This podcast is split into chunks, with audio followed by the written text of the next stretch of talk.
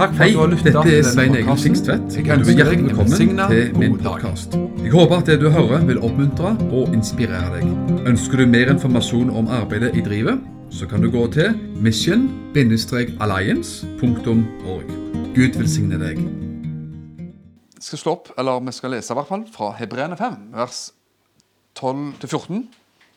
Og videre i kapittel 6, en del vers fra altså begynner i Hebreerne 5, 12-14. Det er ganske sånne utfordrende og fine vers om og Jeg har kalt opplegget det jeg skal tale om, for åndelig vekst.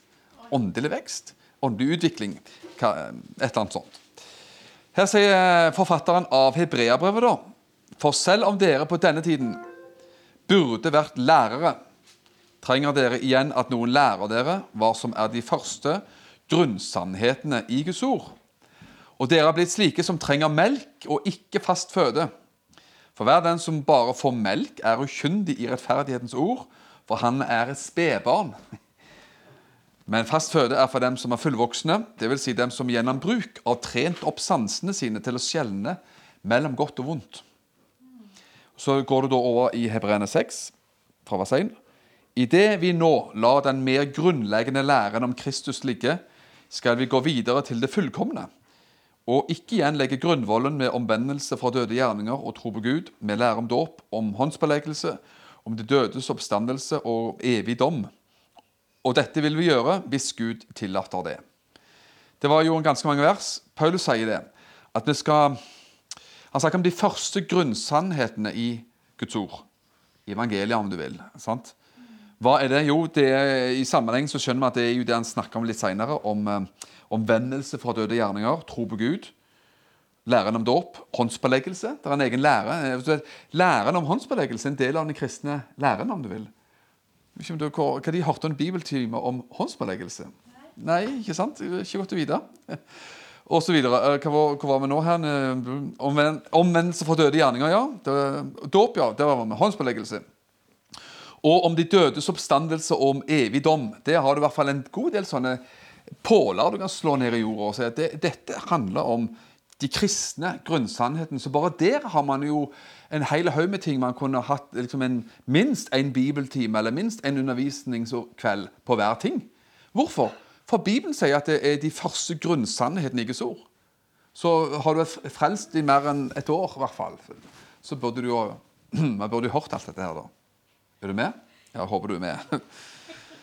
Det som en Paulus uansett sier, da, og så sier han til de som han skriver til, at eh, dere, altså etter så lang tid, sier han, etter så lang tid som har gått, siden de tydeligvis ble frelst, så burde han, sier at burde dere vært i lærere, sier han. Dere burde vært, vært med og undervist Guds ord. Burde vært lærere etter så lang tid. Men, sier han, sorry, dude. Det er ikke så enkelt. Han sier at dere har ikke vokst sånn som jeg ville. Det er ikke mitt budskap til dere som er her, da. Vi leser forfatteren av brevbrevet. Ikke sant? Men han sier jo det, at eh, dere burde egentlig kommet lenger i deres åndelige vekstutvikling. Og, eh, men så sier han noe viktig for å skjønne dette med åndelig vekst og åndelig liksom, utvikling i livet. Dere har blitt slike som trenger melk, sier han, og ikke fast føde. Og da skjønner, vi, skjøn, skjøn, så skjønner man det at eh, han snakker jo og tar bilder fra hverdagslivet. Et barn, et nyfødt barn får melk, det begriper vi eh, veldig godt. sant? Og så sier han det at det på samme vis, i åndelig forstand, så er det altså sånn at nyfrelst trenger får melk, åndelig melk. Altså de enkle, eh, lette tingene i Guds ord. Og så vokser man åndelig, vokser i forstand, vokser i vandre med Gud. Og så får man mer og mer eh, seg kjøtt etter hvert. da, Mer fast føde etter hvert. Det er jo det han sier. Og det snakker faktisk Bibelen om eh, mange plasser. da. Dette med å gå videre. Så han sier altså om å, eh, om å gå videre, da, vokse videre. Vi lar den, mer, den grunnleggende læren om Kristus ligge, og så står det vi skal gå videre. Eh, eh, Hebreerne 6, fra vers 1 der.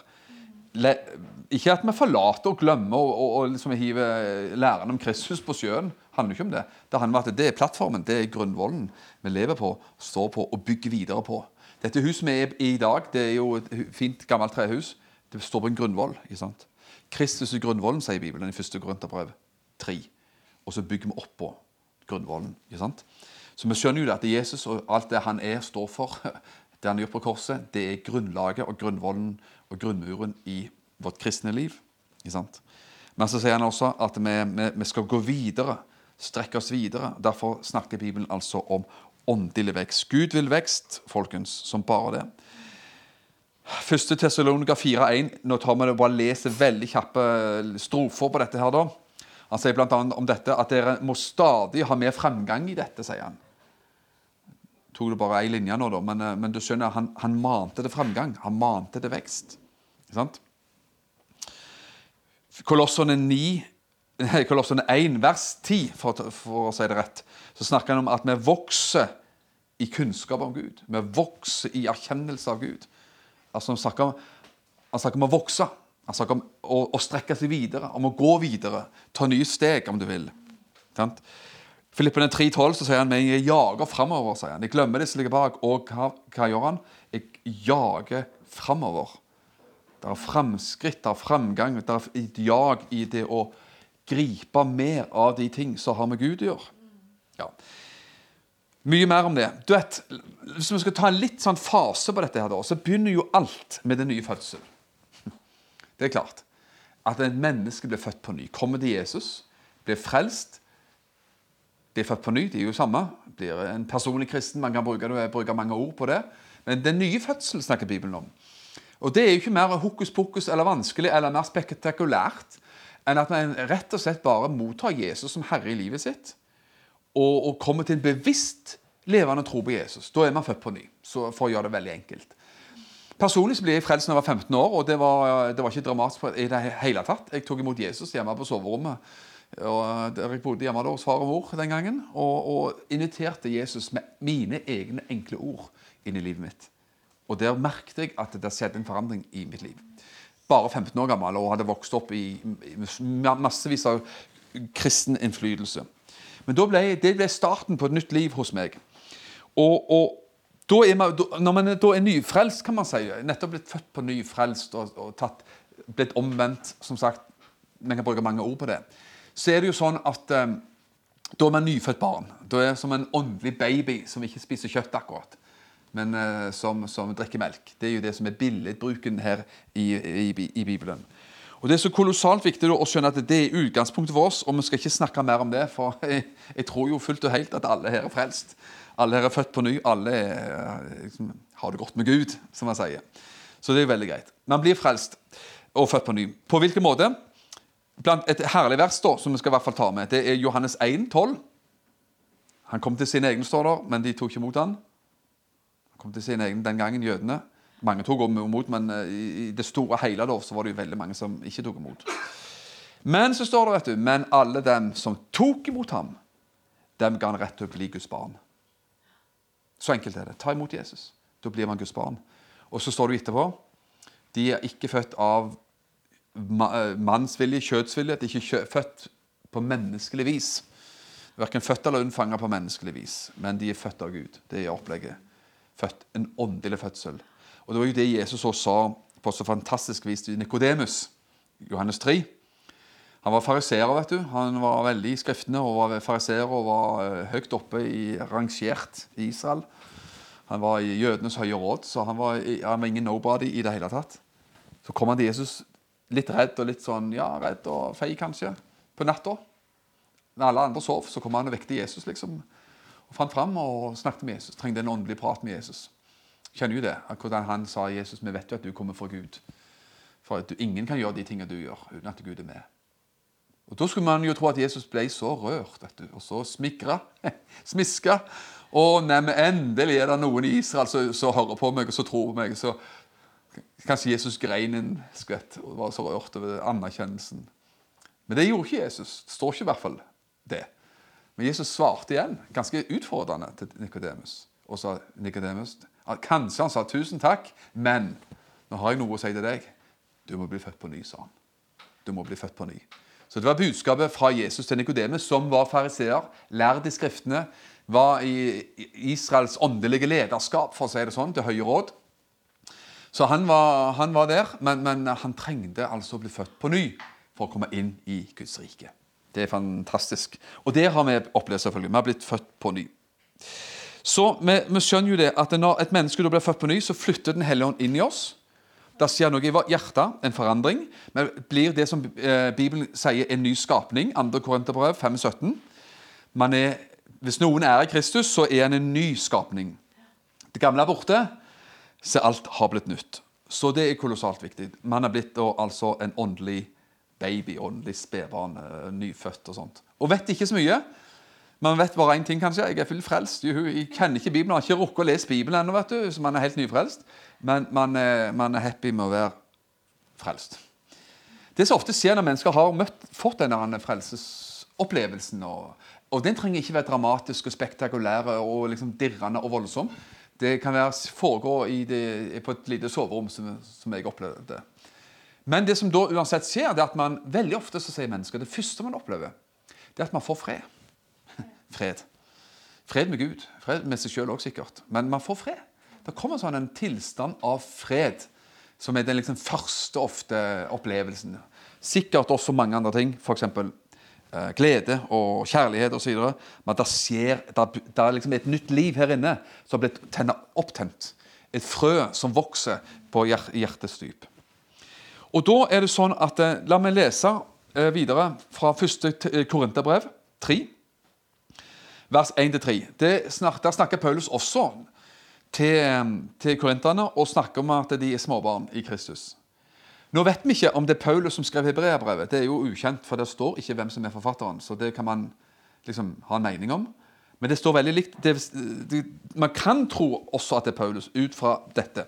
For det, han snakker på samme vis her, da i Korinterbrevet. Første Korinterbrev 3, vers 1. Og jeg, brødre, kunne ikke tale til dere som til åndelige. De var jo frelst. Han skrev jo til en menighet. Jeg kunne ikke tale til dere som til åndelige, med andre ord åndelig modne, men bare som til kjødelige. Som til småbarn i Kristus, bruker han uttrykket. Småbarn i Kristus. Altså åndelige småbarn. Jeg ga dere melk. Der har du dette med melk igjen, da. Ikke fast føde, for dere var ennå ikke i stand til å ta imot den. Og fremdeles er dere ikke i stand til det. Så han måtte holde dem liksom, og mate dem på et slags barn, åndelig barnestadie. da. Og, og, eh, og sier det kanskje litt bebreidende på den måten at han også her høres det ut som at han hadde forventa at de skulle kommet lenger enn det de hadde kommet egentlig. Men han, han drev ikke og, liksom, og flår dem av den grunn. Men han sier liksom det ligger, Sånn som jeg ser det sjøl, at det ligger litt lin, mellom linjene her at han hadde trodd at de skulle kommet lenger i sin åndelige vekst og utvikling. da. Uansett, ja, det, Han sier det egentlig etterpå også, da, for han beskriver hvordan de lever. Så Han sier jeg ga dere melk og ikke fast føde, for dere var ennå ikke i stand til å ta imot den, altså fast føde. Og fremdeles er dere ikke i stand til det. Ennå var de på barnestadiet. Åndelig umodne mennesker. Dere er jo fortsatt kjødelige, sier han. For, så beskriver han det, og da kan vi ikke ta feil av det han sier. For når det er misunnelse, strid og splittelse mellom dere, er dere ikke da kjødelige og lever på menneskelig vis. Altså, da beskriver han hvordan kjødelige kristne oppfører seg. Misunnelse, strid, splittelse. Så vet man jo det. Da har man peiling på det også. vet du. Hva, hva, er, hva som har med det å gjøre. Og Det er mange andre plasser i Bibelen også man ser at Eh, hvordan eh, åndelig umodenhet beskrives på forskjellig vis. Eh, her så vi om strid, splittelse og sånne ting. Og et annet sted, i Efeserne 4, vers 12-13-14, utover der, så snakker han også om at vi ikke skal være umodne og la oss drive hit og dit av enhver lærdomsvind. Altså, Hvis vi er umodne, så blir vi fort mer vingle, da blir vi vinglepetter. Altså, da blir man vinglete i forhold til lære. Teologi, altså hva som forkynnes osv. Altså, er man moden, så er man mer stabil og sterk og har klarsyn på rett og galt. Enkelt og greit. Så står det også det Vi må ta eh, Det blir litt sånn lesning, men vi tar det ganske fort også, da. 1. Peter 2, vers 1-3. Legg derfor av all ondskap og alt svik og hykleri og misunnelse og all baktalelse. Så det igjen det er Peter som skriver dette, ikke Paulus. Men han, han, han, snakker jo akkurat de samme spor som Paulus, som vi leste i 1. Korinterbrev 3. Som nyfødte barn, igjen samme, samme åndelige språk, samme teologiske språk. Som nyfødte barn skal dere lengte etter ordets Her er ordet. Ordets uforfalskede melk. For at dere kan vokse ved den, så sant dere har smakt at Herren er god. Det er jo det som opplegget, vet du. Har man smakt at Gud er god, det er gjerne noe av det første man opplever når man er frelst. Man har smakt at Herren er god. Smakt Guds godhet, fått fred med Gud. Og så skal man Men man manes i Bibelen til å gå videre. Vokse videre. Komme videre. Komme seg ja, opp og fram og videre i, det kristne livet. Og det er jo kolossalt viktig da å nettopp gjøre det. Jeg siterte nettopp Efesene 4 også, om at vi ikke skulle la oss drive omkring av enhver lærdomsvind. sant? Så står det etterpå men i alle ting skal vi vokse opp til ham som er hodet, Kristus. Ok? Så er det sånn at det, presis på samme måte som foreldre som har små barn at De vil jo aldri forvente, de vil aldri forlange eller forvente mer av små barn enn det de er i stand til å, å levere og utføre. Du kan ikke forvente at en, halv, en, en som et halvt år skal gå. Du må vente til han ett år cirka. Så kan man begynne å tenke på at man skal gå. Så de, Siden lærer et barn å gå, ja, og svømme kanskje, sykle, og så fiske. Ta lappen etter hvert, kjøre bil. Så vet man jo det at det, på visse alderstrinn i et barns liv og utvikling så forventer man jo ting i henhold til hvor gammel man har blitt. sant? Og jeg tror at det er helt sånn som Gud òg ser oss og vil behandle oss.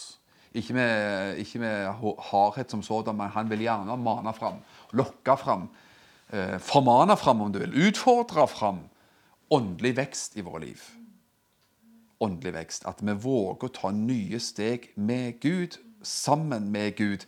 Det hadde vi faktisk en demonstrasjon på i går her, ved dåp. Det er jo egentlig det, faktisk. At Når Herren har lagt det på hjertet, og man kjenner på det at det, det, Herren har ja, mana deg til det, så er det så viktig og så bra å gjøre det. For det er en del. Det er å respondere, på Guds kall, om du vil. Og på det som du har fått sett i Guds ord. Og, og da, da vokser det videre. Og det tenker jeg at eh, hvis, vi, hvis, Gud har kalt oss til noe, og man har en ganske sterk visshet om at dette, dette har Gud kalt meg til å gjøre, og dette maner Gud meg til å gjøre, og ta et nytt steg, og ikke gjør det, så vil du liksom stoppe litt opp utviklingen. vet du. Det er akkurat som at hvis, det er naturlig også, hvis vi hvis man vegrer seg for å gå videre på skole Jeg sier ok, jeg stopper ved 9. klasse eller 10. som det er nå. Og så, jeg går ikke mer på skole. Det er nå slutt. Ja, ok, Men da, da, får du jo ikke den kunnskapen du kunne hatt hvis du gikk videre. Nå er ikke det nødvendigvis eh, veien for alle, da. Sant? Det kan være andre ting. Men, men alle av oss vet at eh, stopper man opp i å lese, lære ting, eh, praktisk, åndelig, teoretisk, hva som helst, ja, så stopper utviklingen opp. Ok. Nå har vi alle sammen forskjellige løp å løpe da, når det gjelder utdannelse og hva og yrke man skal ha. og alt det der da. Ok. Men, men hva kjennetegner barnestadiet for en, ny, en nyfrelst? da? Jo, man har fått syndene tilgitt selvfølgelig. Man eh, har fått fred med Gud. Man trenger åndelig melk. Man, eh, men samtidig så er man ofte allikevel kjødelige. Man, man, man, eh, leser om strid, misunnelse og sånt som ofte kan være rullende og gående i en, i, i en persons liv som er nyfrelst. Bibelen sier Hvis vi leser Apostelens gjerninger, så ser vi helt klart at nyfrelste kunne profetere. Hvis man tenker at det er for de som har vært frelst i ti år og gått tre år på bibelskole for å kunne bli brukt av Gud i nådegaver, så tar man feil. Derfor så er hvis man, hvis man blir brukt av Gud Jeg sier at en nyfrelst blir brukt av Gud til å be for syke, og syke blir helbredet. Så det er selvfølgelig Gud. det er fra Gud. Man kan ikke si at de er diskvalifisert til å bli brukt av Gud for at man har vært frelst i to uker. Det sier seg selv. Men vedkommende er kanskje vedkommende som blir brukt av Gud kanskje da, til å til og med få et profetisk ord har kanskje aldri, har gjerne ikke rukket å lese Det nye testamentet engang ennå, for man er nyfrelst. Man kan bli brukt av Gud for det. Likevel så er det jo superviktig at man kommer inn i Guds ord og lærer Guds ord. Og, og, og Derfor må vi heller aldri bli liksom lurt og bedratt av at hvis mennesker blir brukt av Gud, så kan de oppføre seg utrolig dårlig av det allikevel. Og Da kan man bli skuffa, for man tenker at de blir brukt av Gud, og så setter man folk der oppe. Og så har de plutselig gjort et eller annet utrolig dumt. Og så krasjer det opp i skallen på oss, og tenkte jeg, hvordan henger dette sammen? sant? Ja, det henger, ikke, det, det henger, egentlig sammen, om du vil, for dette, man er bare umoden i Gud. Men Gud vil at man skal bli moden i Gud. Man kan bli brukt av Gud og, bli, og, og vokse modenhet hånd i hånd, naturligvis. Kolossalt viktig. Men det er enormt viktig at man lar oss utfordre av Herren til å ta de stegene Gud vil vi skal ta i vårt liv, for det er da vi vokser. Vi skal snakke om hvordan vi, skal, hvordan vi vokser til slutt her. Ok? Jeg hopper over et annet punkt her og sier bare at jeg har delt inn sånn. og Det finner man ut fra et sted og to i Bibelen. Om når sagt, åndelige barnestadiet. Sant? Nyfrelststadiet og umodenhetsstadiet og melkestadiet. Så kan man godt gå til et annet liksom, punkt i, i åndelig vekst som man kan kalle for åndelig ungdom. Altså ungdom i åndelig forstand, ikke i fysisk forstand nødvendigvis. For det at eh, Johannes i, i sitt brev, 1. Johannes brev 2, 12-14, så snakker han om jeg skriver til, eh, Nå forkorter jeg det veldig. Jeg skriver til dere barn, sier han. Så sier han etterpå jeg skriver til dere fedre. Jeg skriver til dere unge, sier han. Ja, det kan være fysisk unge og eldre, og alt mulig, men det kan også bety antagelig betyr det i åndelig forstand. For han sier jeg skriver til dere barn fordi syndene er, eh, syndene er dere tilgitt for hans navns skyld. sant? Jeg skriver til dere unge fordi dere har seiret over den onde. Altså Når man vokser i Gud, så, så får du Du vil lære å beseire fienden. Du lærer å beseire um, kjødelighet, fristelser og masse skrot i livet. sant? Så man vokser. Og det er et fantastisk spennende liv å få lov til å vokse i Gud og med Gud. ikke sant? Mm.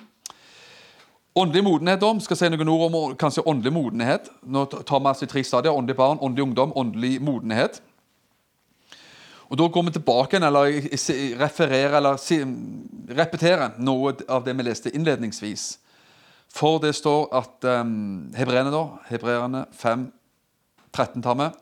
Hver den som får melk, er ukyndig i rettferdighetens ord, for han er spedbarn. Sant? Det er barnestadiet. Men fastføde Fastføde er for dem som er fullvoksne. Vil si, gjennom bruk, har trent opp sansene sine til å skjelne mellom godt og vondt. Og det, Bare det verset der egentlig lærer oss veldig mye om hvordan vi skal vokse åndelig. Fordi at eh, fast føde det er for en fullvoksne, eller modne. Det vil si dem som gjennom bruk har trent opp sansene sine til å skjelle mellom godt og vondt. Derfor er det med nådegaver for eksempel, også noe man vokser i. Det er ikke sant at Du får en pakke nådegaver, én eller mange. Egentlig så har du fått alle. Hvis du har Den hellige ånd, så har du alle. Er du enig i det? For det er ikke dine og mine nådegaver likevel. Det er Den hellige ånds gaver. Så, så, så, så liksom, clouet er ikke å ha én av to nådegaver. Clouet er å ha Den hellige ånd, for han har alt. Han har jo alle gavene. Så har du Den hellige ånd, så har du alt. Egentlig. Og så kan det manifesteres på forskjellig vis, over de forskjellige gavene. Men uansett Dem som har trent opp sansene sine til å skjelne mellom godt og vondt. Tren opp dine åndelige sanser. Trene opp din åndelige følsomhet. Trene seg opp til å høre fra Gud. Prøve å si, lande liksom litt i den, det sjiktet der, da. sant? Trene seg. Det betyr egentlig å praktisere. Det betyr å trene og praktisere eh, aller helst i, i, i, trygge omgivelser. Sant? Når folk skal lære å svømme, så eh, blir man ikke kasta ut på havet liksom, utover en båt og så du blir sparka ut. Liksom, på, så skal du prøve å eh, svømme. Du lærer det i en svømmehall vanligvis på skolen eller fritida eller hva man enn gjør. Så lærer man under trygge forhold, under veiledning og alt mulig, å lære å svømme. Sånn at man er, kan, kan, jobben sin når man ramler ut, på, ut forbi brygga en, en, dag i et uhell. Og Sånn er det på mange måter når det gjelder det åndelige òg. Derfor er vi her, blant annet. Det å trene opp sine sanser til å skjelne mellom godt og vondt er kolossalt viktig. Ok, Nok om det. Vi skal snakke mer om det etterpå, hvis jeg bare kommer meg videre. Men, den, men, men, eh, her står det altså om den fullvoksne, den modne. Gud kaller oss og vil oss og maner oss og drar oss til å bli modne mennesker. Og modne kristne. Modne troende. Kolossalt viktig. Ok? Det står det, vet du, den åndelige første Korinterbrev 2,15. Den åndelige kan dømme, om, kan dømme om alle ting, står det.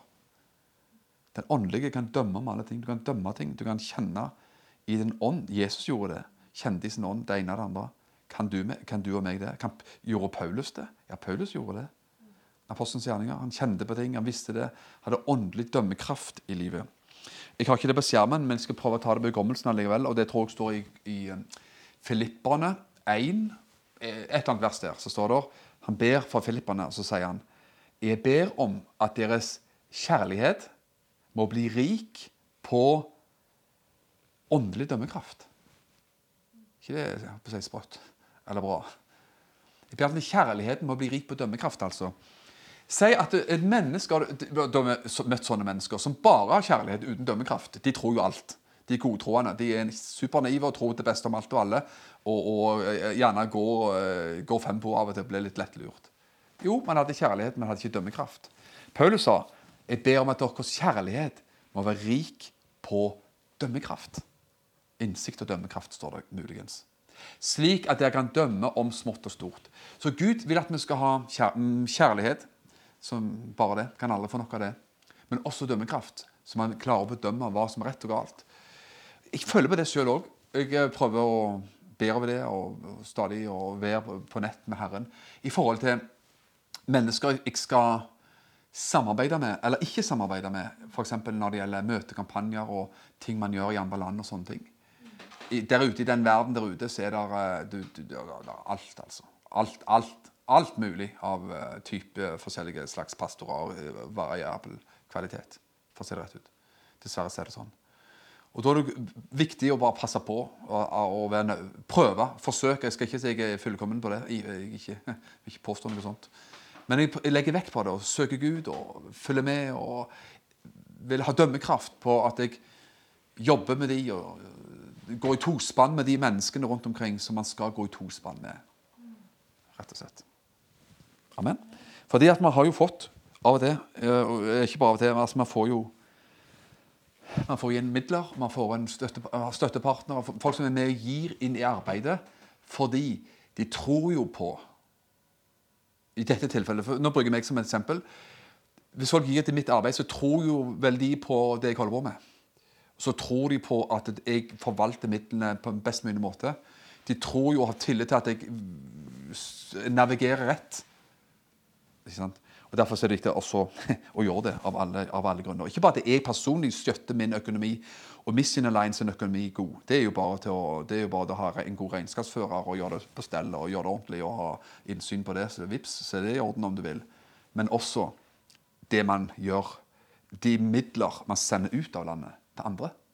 For da mister du litt kontroll, oversikt over det sjøl også. Og da er, man, eh, det så viktig å ha, ha gode mennesker på det også. Det var bare en parentes, faktisk. Tenk det. Ok, jeg har lyst til å si at eh, vi Gud kaller oss På et eller annet tidspunkt så kaller Gud og jeg og meg til to ting. Han kaller oss til å ha åndelige fedre og mødre i våre liv. Altså forbilder. Mennesker som kan tale inn i våre liv. Mennesker som kan gi oss råd. At man har den innstillingen og holdningen at jeg vil ha noen som har kommet lenger enn meg i, i livet med Gud. I tjeneste og livet med Gud. Sånn at jeg har noen som er, som er gått veien, er lenger, lenger fram i løypa enn det jeg er.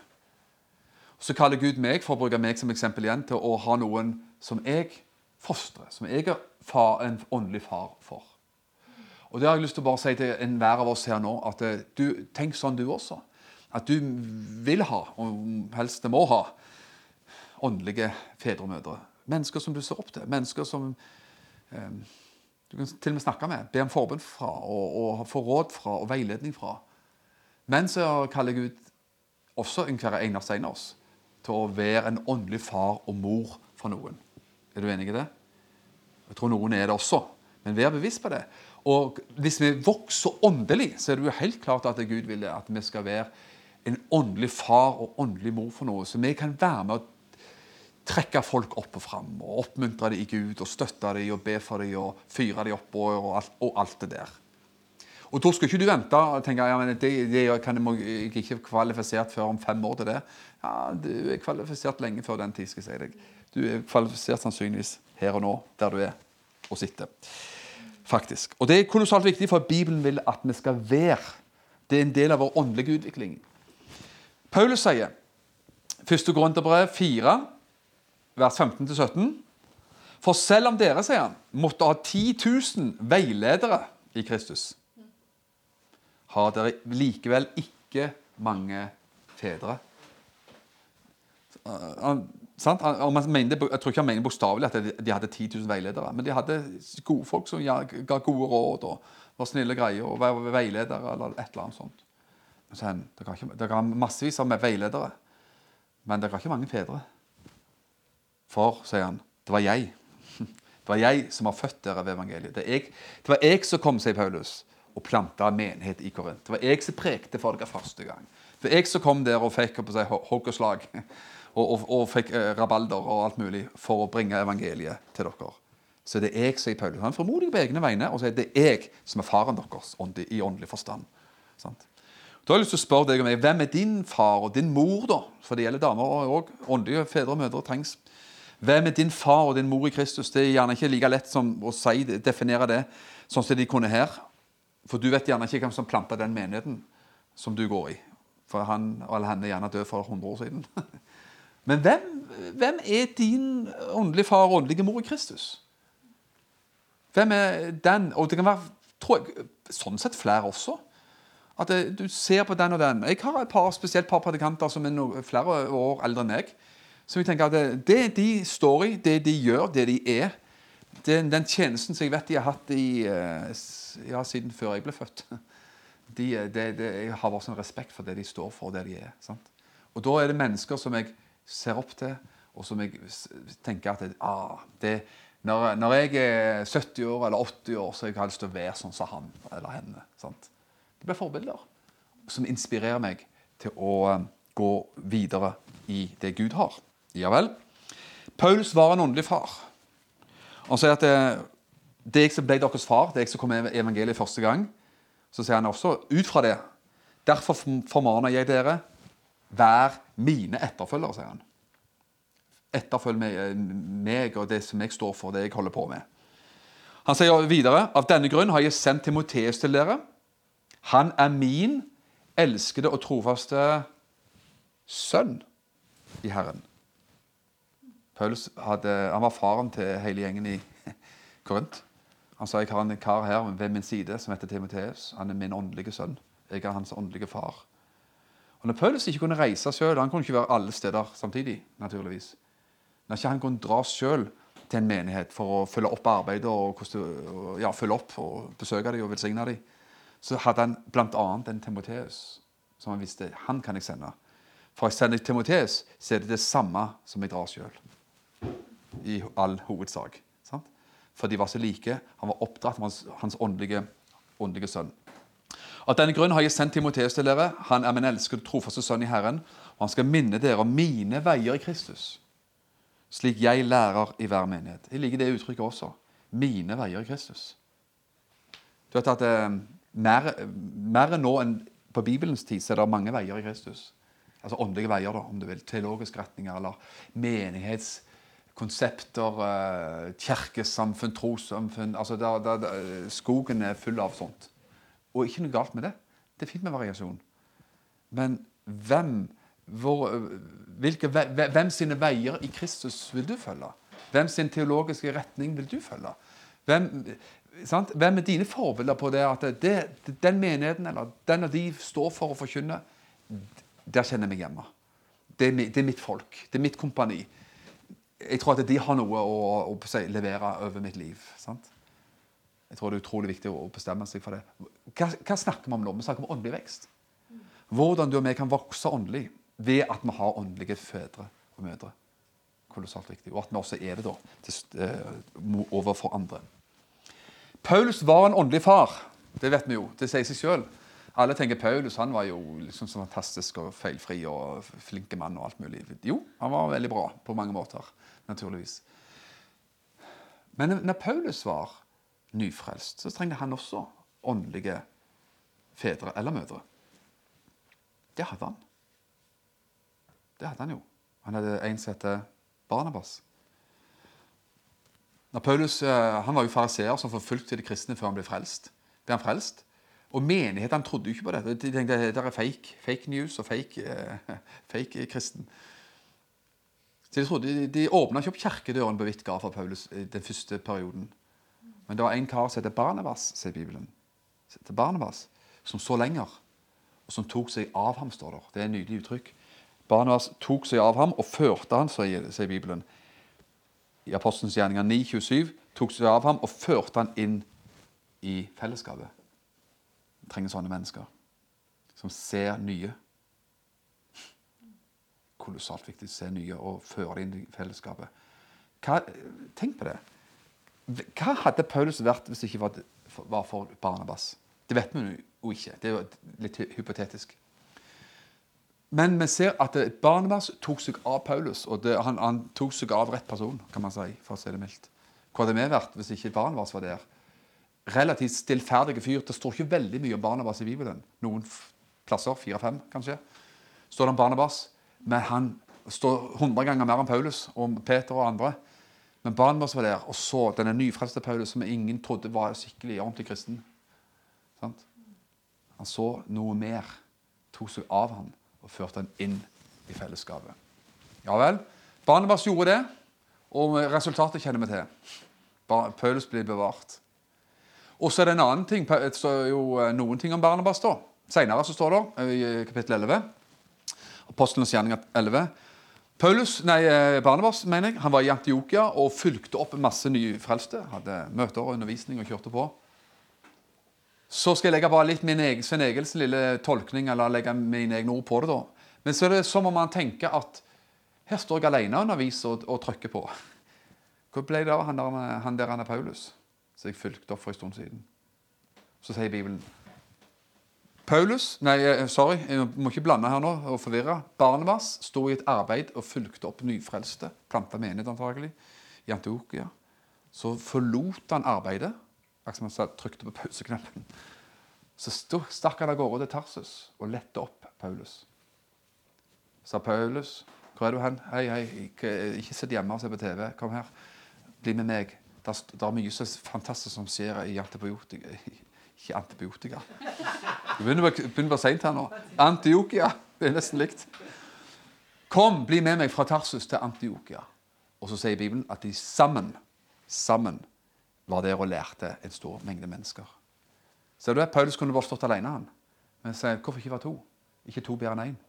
Det er bare at to står og underviser her. Og da, Det er sånn åndelig vekst foregår, venner. Det er at noen gidder å tro på meg og gidder å tro på deg. sant? Eh, ja, Billedlig forstand kanskje. Ta, legge armen rundt deg og si 'bli med meg', så skal vi tjene Gud sammen. Bibelskole er bra. Jeg har gått på bibelskole. Jeg har eh, undervist på bibelskole og har gleden av å undervise på bibelskole nå også, faktisk. Og Det er herlig, men eh, uten praksis, uten, at, uten denne biten her, så vokser man ikke åndelig på det viset man skal.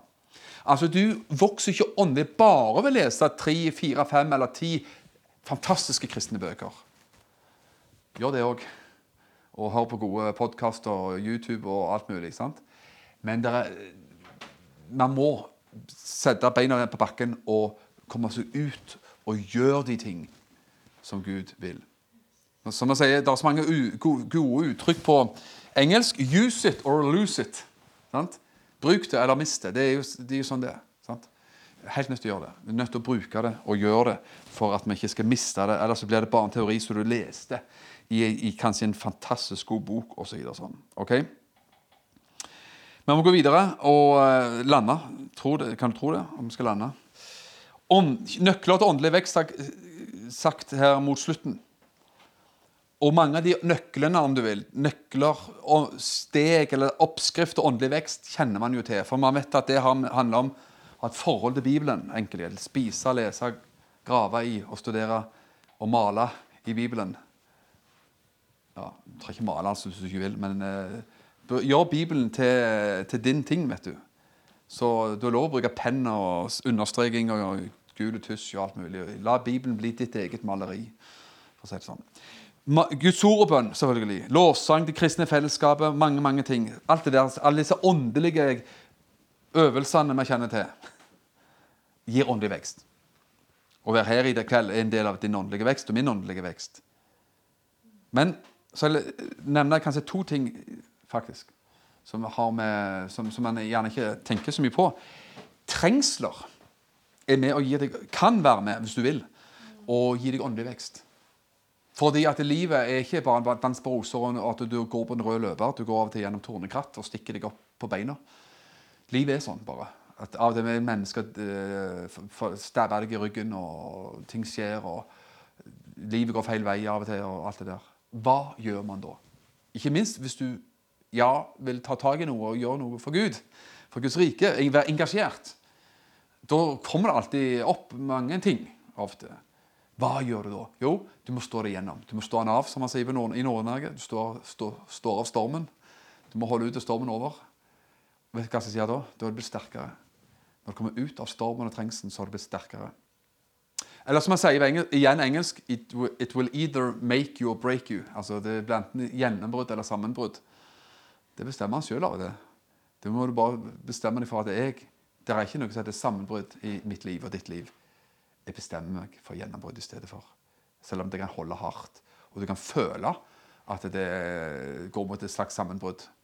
Men kan vi ved Guds nåde tro at det heller skal bli gjennombrudd. Jesus var, ut, var leda av Den hellige ånd ut i ødemarken. Hele, hele, hele liksom rekkefølgen er at han ble døpt av, i vann av Johannes. Så kom Den hellige ånd over han, kom opp på vannet, så kom Den hellige ånd over han som en due. og alt Det der. Det var bra. Og så var det en røst. Først var det en due, så var det en stemme som sa Du er min sønn, den elskede, som jeg har behag i. Den er viktig. Trenger alt. Trenger vannet. Trenger ånden. Trenger røsten som sier Du er god nok. Du er min elskede sønn eller datter som jeg har behag i. Kan du tro at Gud sier det om oss her og nå? Med våre feil så sier Gud det til oss. Faktisk. Hvorfor? Jo, for han sier det for at han ser noe mer enn deg og meg. Han ser Jesus med ikledd oss Kristus, sier Bibelen. Hvis jeg, hvis jeg, tok på meg jakken til Tollef, hvis han hadde en spesiell jakke han var kjent for Det må være sånn felleskjøpjakke eller noe sånt. Ikke hva, hva du har. OK, så tar jeg på meg jakken til Tollef, og så går jeg rundt her. Så tenker folk ja, men det, er jo Tollef som du går der. Jeg hadde jakken, jakken hans på, og capsen og alt. Ser ut som Tollef. Kanskje ikke helt størrelsen, da. Det, det var Bildet halta litt. Men du skjønner, vi har ikledd oss Kristus, og Gud ser Kristus når han ser deg. Du er i Kristus. Derfor sier han, 'Du er min sønn, du er min datter'. Ser oss gjennom Jesu blod, forsoningen, gjennom korset. Derfor sier Gud av hele mitt hjerte tror det. Han sier til oss, 'Du er min sønn eller datter som jeg har behag i'. Det var altså vannet, så var det ånden, så var det stemmen. Så er det en ting til. Er, det, da blir det litt sprøtt, men det er jo sant. Den samme ånden som kom over Jesus hva gjorde han? Leda Jesus ut i ørkenen av alle ting. Ikke det er merkelig? At det skulle gå den veien, liksom. Etter han har fått ånden og stemmen og alt. Så er det ute i ørkenen. Det er ørken som gjelder nå fra nå av. Ja, det var en ørkenvandring i en liten periode. Vi kan oppleve at omstendighetene og trengsler og alt mulig kan oppleves som en fryktelig ørken. Når Jesus kom tilbake igjen fra ørkenen, hva står det da? Han kom tilbake igjen i åndens kraft, står det. Det er noe med trengsler og ørken. Når du står, består testen, så kommer du tilbake en mer moden. Mer åndelig moden og sterk og har mer åndelig vekst enn før. Derfor så, Å høre på folk som bare har lest, sittet i en godstol og lest bøker i fire år, liksom, og så kommer fram og forteller andre, det betyr ikke så mye. Men de som har blitt prøvd i noe, de som har vært ute en vinternatt, de som har stått av en storm, de som har prøvd å gjøre noe for Gud, og som har prøvd, både prøvd og feilt, de er jo mer verdt å høre på enn en skrivebordsteoretikere som ikke har gjort noe annet enn å sitte på en skinnstol og, og glane ned i, i, i skrivepulten i, i, i bok. Sant? Det er viktig. Så Gud vil at vi ikke skal være skrivebordsteoretikere, men mennesker som gjør noe. En annen ting det var trengsler. Og så har vi allerede snakket litt om det. Og det er oppøving og praksis i et trygt og sjenerøst miljø. Det er viktig. Å være en del av et trygt og sjenerøst åndelig miljø som ikke avskriver deg og kjefter deg huden full hvis du har gjort noe galt. Men som er der for, for de tror på deg. Også når man prøver og faller, prøver og feiler, så er det noen der som likevel tror på deg. Og en sånn setting som her, og det føler jo jeg, det har jeg sagt i tror jeg, mange år her, at eh, her opplever man en god atmosfære, og her, her er det en sånn åndelig trygghetsfølelse som gjør at eh, mennesker kan komme her og være seg sjøl og mm, prøve og feile, om du vil. Altså. Man får lov til å være der. Og det er ingen som, som liksom eh, dømmer deg nord og ned. Og det er viktig. Vi leste i Hebreabrevet.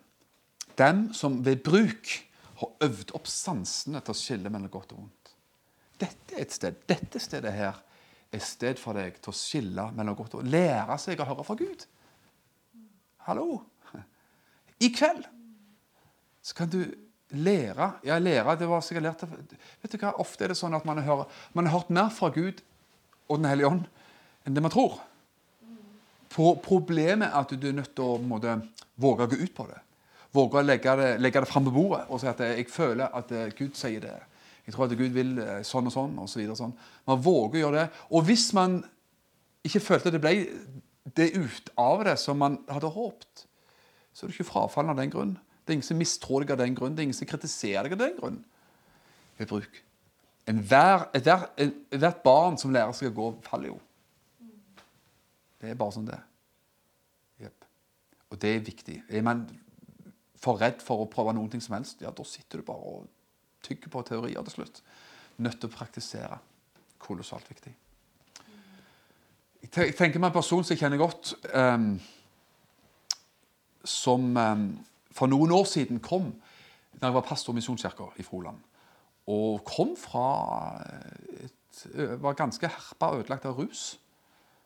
Og livet var bare en, en ruin, faktisk. altså da. Kom. Og så kom hun seilende inn i menigheten og rett inn på alfakurs. Og det er jo alfakurset er veldig bra. Det, da er det undervisning i grunnsannheten i, i Guds ord. Fellesskap. Forbønn. Mat. Alt sammen. Herlig setting. Og vet du hva? Det tok bare ett år. Hun var med på den første alfakurset det året. Neste år var vi underviste. Da snakker du om vekst. Den dama har jo i dag hun har lært, hun har tatt seg god utdannelse, har god jobb nå. Lært seg å spille piano. En fin, flink eh, lovsangsleder. Har kommet fra eh, det som var en gang en ruin, til å bli noe helt annet. Helt annet. Vel, Gud kan gjøre det for hvem som helst. Han kan det. Men, og vi, ingen av oss akkurat der i livet som, som hun var, heldigvis. Men eh, Gud tar oss og ser oss der vi er. Det er utrolig viktig å si. Jeg skal lande, men jeg, skal, jeg er alltid sånn, jeg lander 100 ganger, men jeg, jeg er i ferd med å lande allikevel. Tro det eller ei. Eh, Det er en sånn trestegsmodell som du finner hos Abraham i første Mosebok 12. Skal ikke slå det opp engang, så jeg heller si det, så sparer vi tid, vet du. Første Mosebok 12 så sier Gud til Abraham tre ting. Abraham, forlat, bryt opp og forlat en fars slekt, fars hus. han. Han bodde den gangen i Uri Kaldea, som dette, Irak. Talte Gud til denne karen her. Han sa at pakk sammen. Pakk og besler og kameler og alt du har, og dra av gårde. Hvor? Gud? Ja, det skal jeg vise deg underveis. Det var jo det Gud sa. Du, du, du bryter opp, du drar til et land der jeg viser deg. Så sier Gud to ting til. Jeg skal velsigne deg, og du skal bli en velsignelse. Jeg for min del har følt at akkurat den tretrinnsmodellen der har, kommet sykluser i livet. Gud sier 'bryt opp'. Bryt opp. Du skal bli, når du gjør det og drar og bryter opp og gjør det Gud vil, så blir du velsigna. Nummer to, nummer tre er du skal bli en velsignelse. Den verste, den verste delen av de tre trinnene der, det, det, ja, det er altså å bryte opp. Å bli velsigna er ikke så fryktelig vondt og, og kjipt. Men bry deg opp. Det er òg om åndelig vekst. ja, Å være og bli og, og, og havne dit ja, så Gud vil ha deg. Kolossalt viktig. Hva betyr det? Det kan være å bryte opp for dårlige vaner. Av og til dårlig selskap og dårlige venner. Laster. Avhengigheter.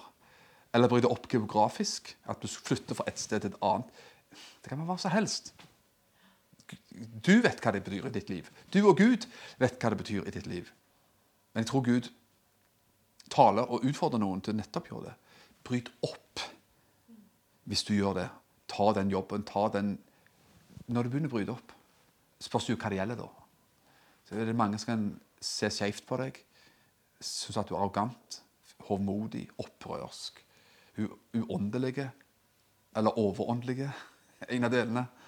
Du kan få mange rare sånne skråblikk på deg, eller til og med dårlig snakk. Men vet du hva? Gjør det likevel hvis du kjenner at det, Gud har vist meg mitt oppbrudd. Så drag der, der i livet, til det punktet i livet så Gud kan og vil velsigne meg. Stopper det ikke der, men så får du hver en velsignelse. Du får hver en velsignelse. Det fins et sted der du blir velsigna, det fins en sted der du blir en større velsignelse. Hva det betyr i ditt og mitt liv, det varierer jo fra periode til periode. Fra person til person osv. Det er klart. Jeg var på en, I forrige uke, eller det vil si torsdag, fredag, lørdag, var jeg på en misjonskonferanse i um, Snipp, snapp, snude. Nå lukker vi igjen den her, i hvert fall. Jeg var på en misjonskonferanse i Bergen. Unådd-konferansen heter det. Tøff, tøff navn. Unådd-konferansen. Det var interessant. Det som jeg liker, der man hører på mange gode talere og alt mulig sånt. Men det er jo artig da, å sitte rundt et bord og prate med mennesker som har gjort noe av dette her. Brutt opp og gjort noe, og som fikk bli en velsignelse. Jeg snakket med en gammel eh, mann. Gammel, eh, gjerne tar hardt i. Ja, ja, Han var passert 70 da. Jo, man kan være ung og sprek om man er passert 70 da. Han hadde vært misjonær. Han bodde borte i Stavanger-området.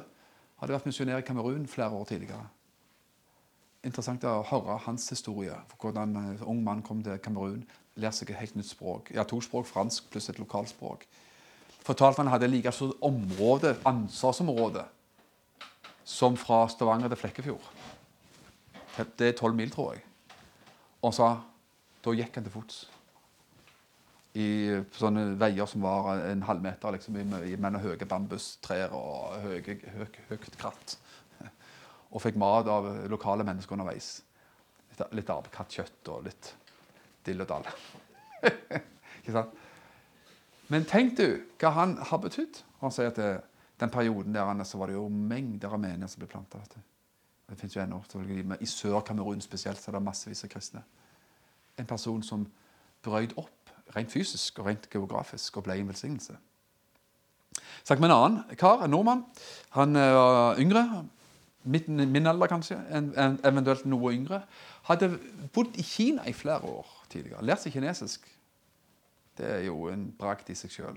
Det krever jo sitt. Men var med og brakte evangeliet til ei lita folkegruppe i Kina. En folkegruppe som teller ca. 50 000 mennesker. Det er jo ikke akkurat veldig mye i Kina. Men tenk det, tenk å ha det liksom med i livet. Liksom. Ja, jeg har vært med og brakt evangeliet til et nytt folkeslag. Liksom. Da har jeg gjort mitt. Liksom. Kryssa av. liksom, jeg tøft. Jeg sier ikke at alle skal gjøre det. Jeg sier ikke at plutselig skal alle springe her til Kamerun eller Kina eller andre steder. Men det er for en velsignelse det å få lov til å bryte opp fra det Gud vil vi skal rydde opp fra, til det landet, til det området, til den tjenesten som vi skal bli brukt av Gud i. ikke sant? Og Gud, du blir velsigna, og du blir til en velsignelse. Takk for at du har lytta til denne podkasten. Jeg ønsker deg en velsigna god dag.